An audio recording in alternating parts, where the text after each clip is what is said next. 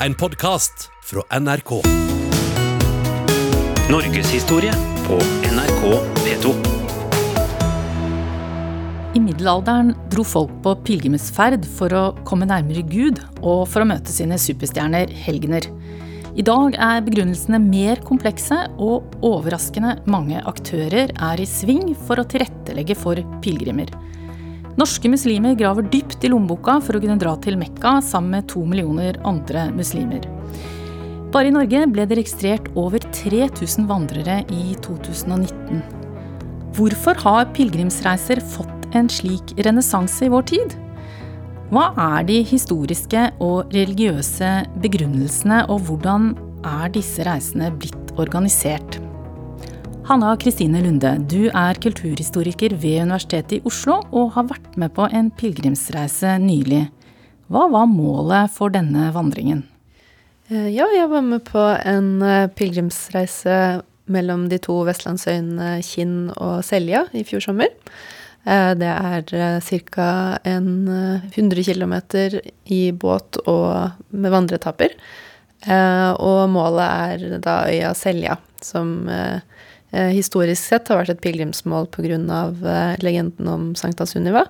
Og det er også rammen for hvorfor det nå har blitt et gjenopptatt pilegrimsmål. Eh, så da var det en gruppe på rundt 15 eh, norske og tyske pilegrimer som ble leda av både en prest og en naturguide. Eh, og det som ble kalt pilegrimspreg på den turen, det var at vi hadde daglige andakter. Og da vi kom fram til Selja, så hadde vi gudstjeneste i hulen, der hvor Sankta Sunniva og følget hennes ble martyrer ifølge legenden på slutten av 900-tallet. Det første som skjedde på turen, var at vi så Kinnaspelet på øya Kinn, eh, der hvor eh, denne legenden er en del av historien. Så sånn så kan man jo si at eh, man starta med en teaterforestilling som viste legenden, og så avslutta vi der hvor martyret skjedde, ifølge legenden. Du gjorde jo dette i forskningsøyemed, men hvem er det som drar på pilegrimsferd i Norge? Ja, det er i denne gjenopptatte formen, eh, som starta på ca. 1990-tallet, eh, så er det både det er kristne, både protestanter, ortodokse og katolikker, eh, men det er også mange med andre livssyn. Du kan si både troende og tvilende og søkende i ulike eh, former. Eh, og for mange så handler det i dag mer om veien og vandringen eh, enn å komme fram til målet om den kulturelle opplevelsen, og ikke minst også naturopplevelser. Så det har blitt et veldig mangfoldig fenomen som ikke bare er knytta til religiøse institusjoner eller religiøse praksiser. Eh, men nyreligiøsitet er en, en viktig faktor. Det er erfaringen med å gå langt og oppleve både natur og kultur og historie. Mm, mange varianter av pilegrimsreiser. Mm. også i Norge. Men eh, du nevnte 100 km, er ganske langt å gå. Mm. Er det noe kleskode på disse reisene, eller eh, er det norrønas eh, neonsprakende tøy som gjelder? Ja, eh, ja, det vil jeg absolutt si at det er veldig mange som går i, i turklær som man også ellers ville gått eh, med. Så i mange tilfeller så er det vanskelig å kunne se hvem som er en pilegrim, og hvem som bare er på en annen type fjelltur. Eh, og gode sko er det aller, aller viktigste som går, går igjen når eh, man f.eks. leser i guidebøker osv.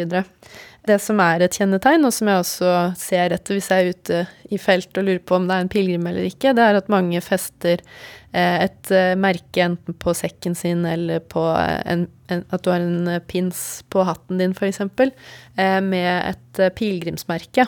Eh, for disse nye Pilegrimsveiene de er jo merka med logoer. Eh, altså du har St. Olavs veiene, eh, som har en logo som er et kors, et olavskors, og hvalknuten, altså dette symbolet som man ser eh, på skilt som henviser til særverdigheter eh, generelt. Um, og eksempel Sunnivaleiet har da et keltisk kors og bølger som er sin logo.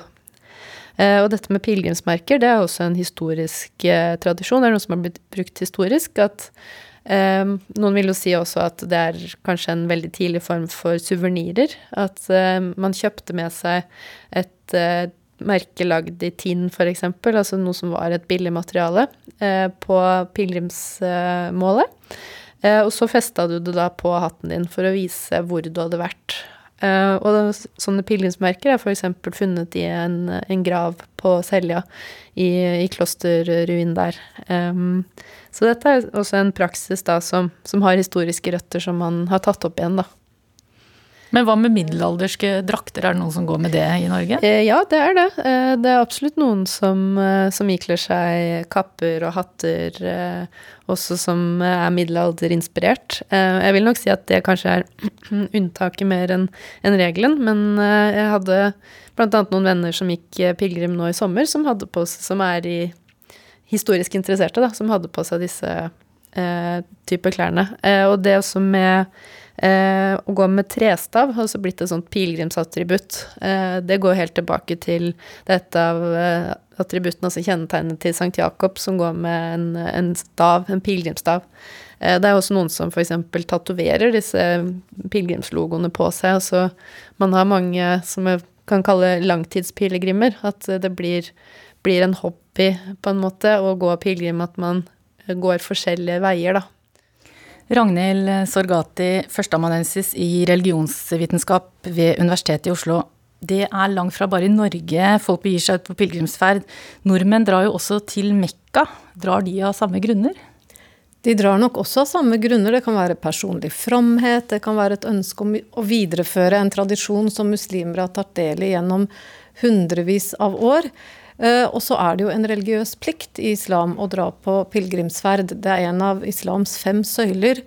Eh, og en muslim som har råd til det, skal foreta en pilegrimsreise én gang i løpet av livet.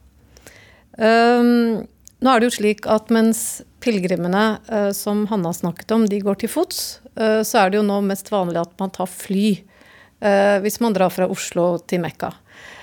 og at der man i tidligere tider Eh, brukte karavaner før man hadde offentlig Nei, unnskyld, før man hadde moderne transportmidler, som dampskipet og togene som kom på 1800-tallet, så var det jo lange karavaner gjennom Nord-Afrika. Man dro fra Spania gjennom Nord-Afrika via eh, Egypt til, eh, til, Mekka og Medina. Eh, sånn at eh, gjennom hele islams historie eh, så har pilegrimsreisen vært veldig viktig. Den har vært strabasiøs. Eh, når det har vært uår eller krig, så kan man være også fritatt. Det kan ha vært for farlig å dra på den lange reisen. Og det er jo helt klart at det har vært en veldig dyr affære. Så det er ikke alle muslimer hele, gjennom hele historien som har kunnet dra på pilegrimsreise.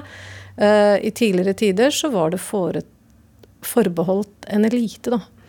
Eh, men ofte så er det sånn folk som hadde foretatt pilegrimsreisen og så kom hjem igjen, de delte jo da opplevelsen med de andre i landsbyen, med de andre rundt seg, ved at de hadde med gaver hjem, ved at de organiserte store fester, ved at de slaktet et lam, eller kanskje til og med en okse, eh, og delte ut mat til alle. Eh, sånn at fellesskapet som pilegrimen hadde opplevd på pilegrimsferden, ble delt med dem som var igjen hjemme. Hvorfor drar eh, muslimer til Mekka? Altså, hvilken historisk og religiøs betydning har denne byen for muslimer? Når man drar på pilegrimsferd til Mekka, så drar man til hjertet av islam. For det er der vi finner Kaban, denne eh, rektangulære, kubiske bygningen, som ifølge muslimsk historie ble, ble bygget av Abraham sammen med sønnen Ismail. Eh, og Abraham bygget den på det stedet hvor Adam, det første mennesket, bygde det første gudshuset. Og Adam bygde det gudshuset der en svart sten, eller en sten ble kastet ned eh, fra himmelen. Og den stenen den finner man fremdeles nå i Kaban.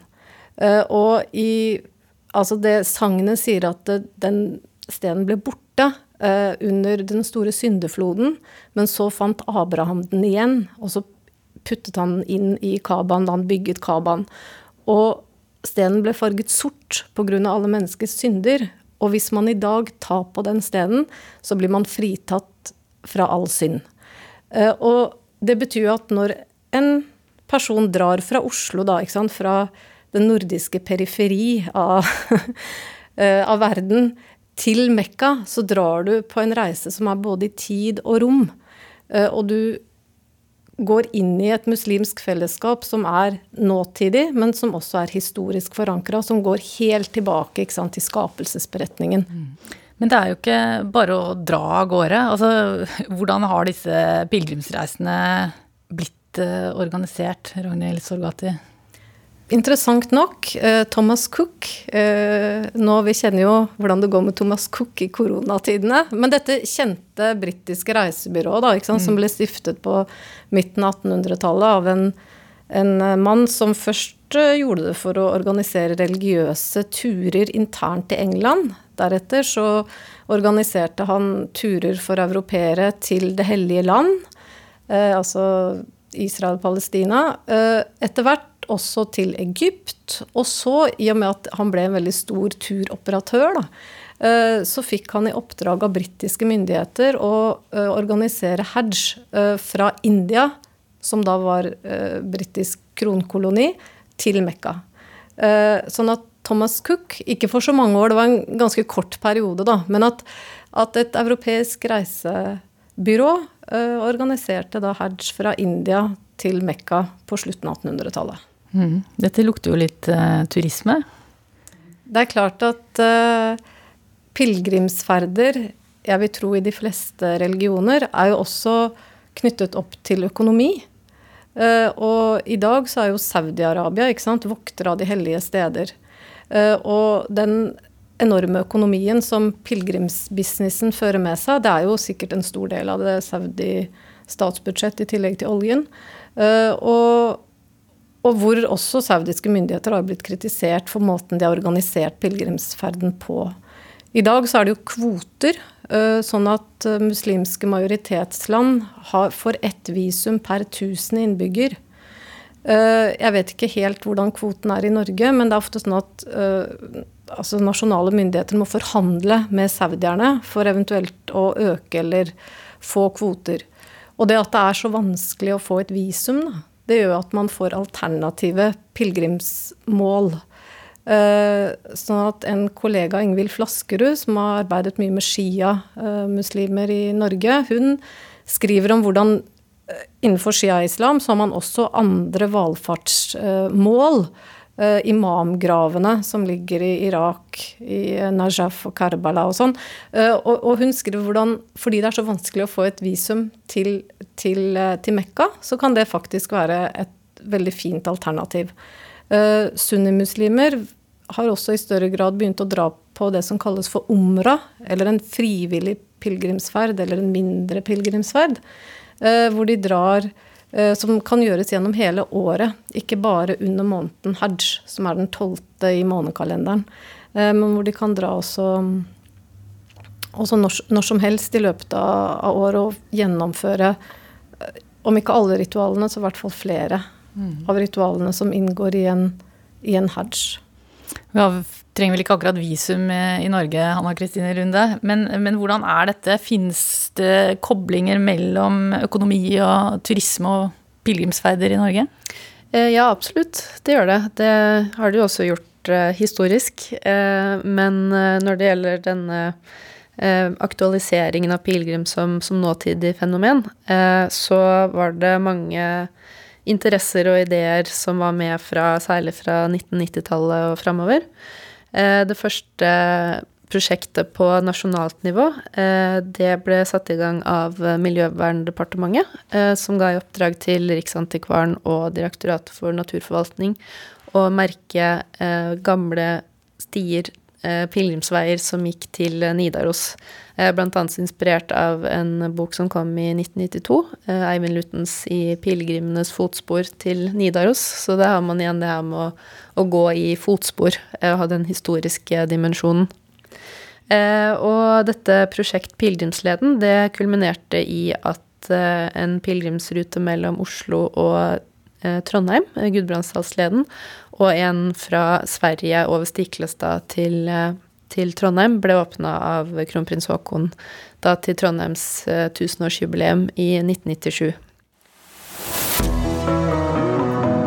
Du lytter til serien Tro og tilhørighet på NRK P2. I dag snakker vi om pilegrimsvandringer i Norge og pilegrimsreiser til Mekka, og hvordan disse reisene har blitt organisert. Så har det gått litt sånn opp og ned med prosjekter eh, fram til eh, eh, Pilegrim som nasjonalt prosjekt ble gjenopptatt først gjennom Riksantikvarens eh, verdiskapningsprogram i eh, 2008. Eh, og det med verdi både her og i eh, senere prosjekter, det eh, handler både om verdi i overført betydning, altså at man har eh, verdifulle opplevelser osv. For, for de som går, eh, men også verdi i økonomisk forstand. Fra starten så har du vært med mange både lokale interesser fra, fra historielag som har merka eh, lokale pilegrimsledere osv., men også eh, i forhold til næring og, og turisme, rett og slett. At man har f.eks. overnattingssteder og eh, spisesteder osv. langs pilegrimsveiene, da. Eh, som også bidrar til verdiskaping. Eh, og den strategien, eh, der har de det de kaller fire søyler, eh, som de skal eh, oppnå mål innen. Og det er næring, kirke, kultur og miljø. Ja, dette høres ut som altså, distriktspolitikk, lokalhistorie Og regjeringskonferanse. og regjeringskonferanse, ja. Absolutt, Og er- natur, turisme Du nevnte kirken, men, men altså, spiller kirken en eh, rolle i dette overhodet, eller? Ja, det gjør de absolutt. Altså, parallelt med dette prosjekt Pilegrimsleden som jeg fortalte litt kort om, eh, så var det allerede nedsatt et eh, utvalg i Nidaros bispedømme av daværende biskop Finn Vagle. Mm. og fra rundt 98 av så har det også blitt ansatt eh, eller egne stillinger som pilegrimsprester i Den norske kirke. Da har du Arne Bakken som den første av de, og han har også vært veldig viktig for å være med å utvikle denne pilegrimstanken eller pilegrimsmotivet i Den norske kirke. Eh, og det er flere nå pilegrimsprester som også er ansatt eh, gjennom disse sentrene.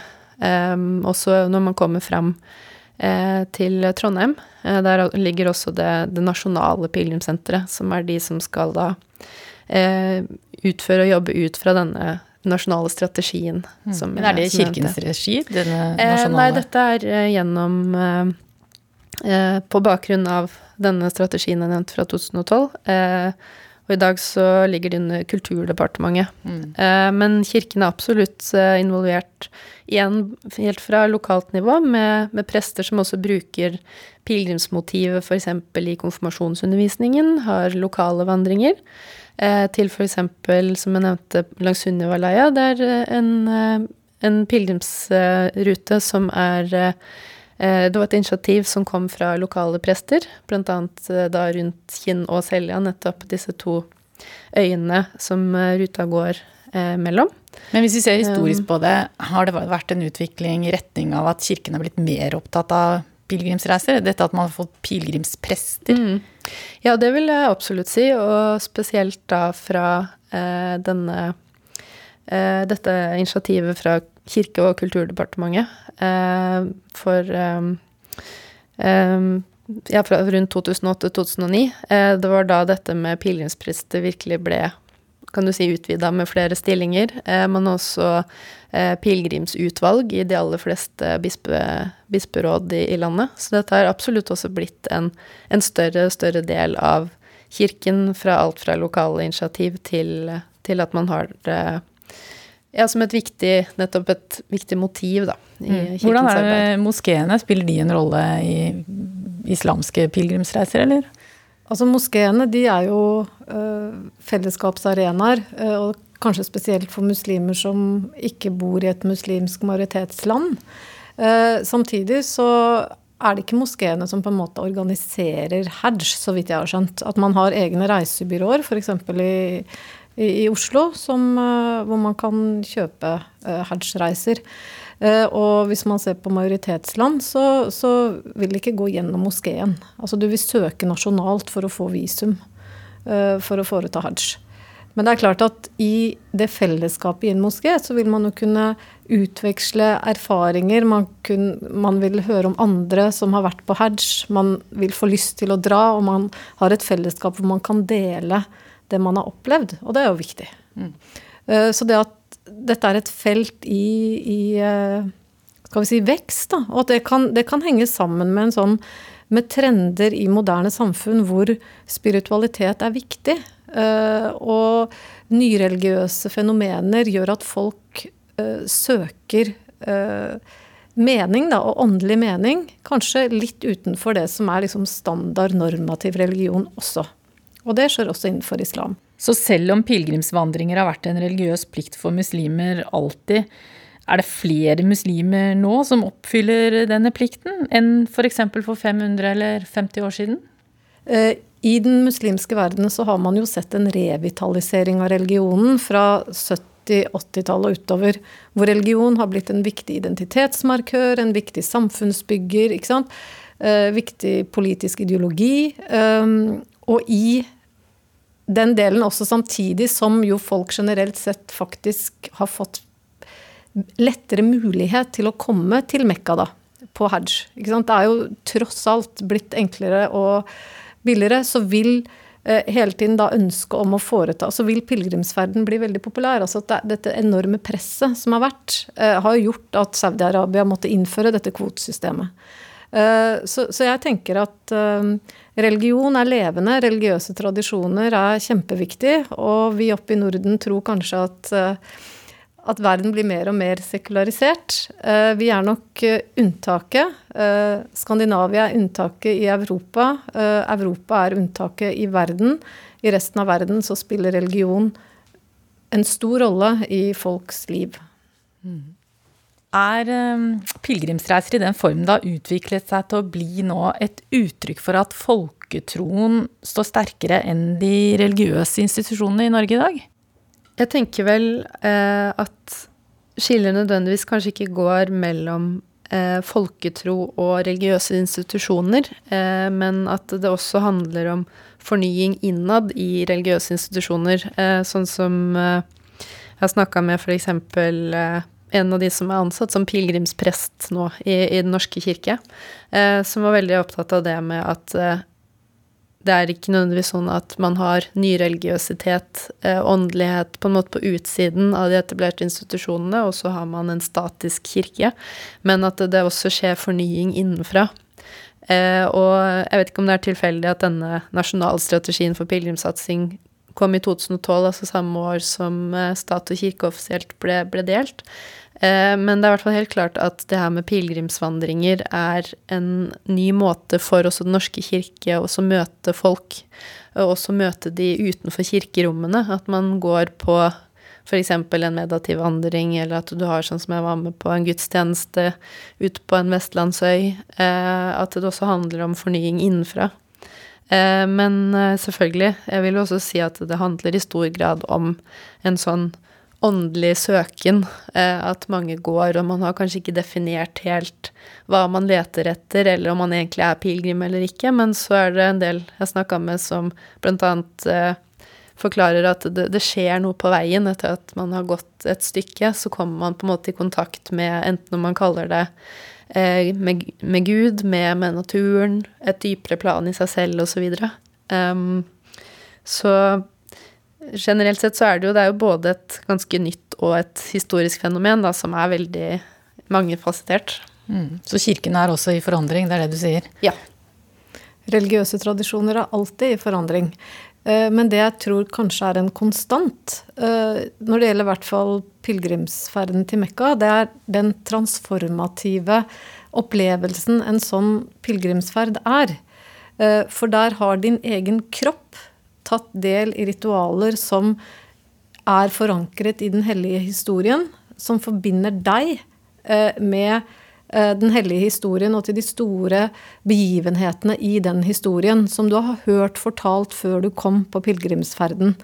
Og gjennom det så er det veldig mange som beretter at de har endret synet på seg selv, på sin egen spiritualitet. Kanskje endrer de eh, praksiser i hverdagen noen kvinner kan f.eks. bestemme seg for at etter at de har vært i Mekka, eh, så tar de på seg skaut, og så beholder de det skautet på. Som et syn på en sånn hellig status. Og at uh, i tidligere tider, og kanskje også i dag, så er det en idé å legge pilegrimsferden kanskje til litt sent i livet, for da kan man dra dit og få tilgivelse for sine synder. Da. En form for uh, syndeforlatelse, hvis man kan si det sånn. Og så kan man leve et rent moralsk liv resten, uh, resten av livet. Så jeg tror den trans personlige transformasjonen og fromheten, den tror jeg er kanskje en konstant. Pilegrimsfromheten er konstant. Tusen takk, Ragnhild Sorgati og Hanna Kristine Lunde, for at dere kom til Norgeshistorie. Ansvarlig for denne serien er Ane Bjølgerud Hansen. Teknisk ansvarlig er Dag Bakker. Jeg heter Ellen Katrine Lund.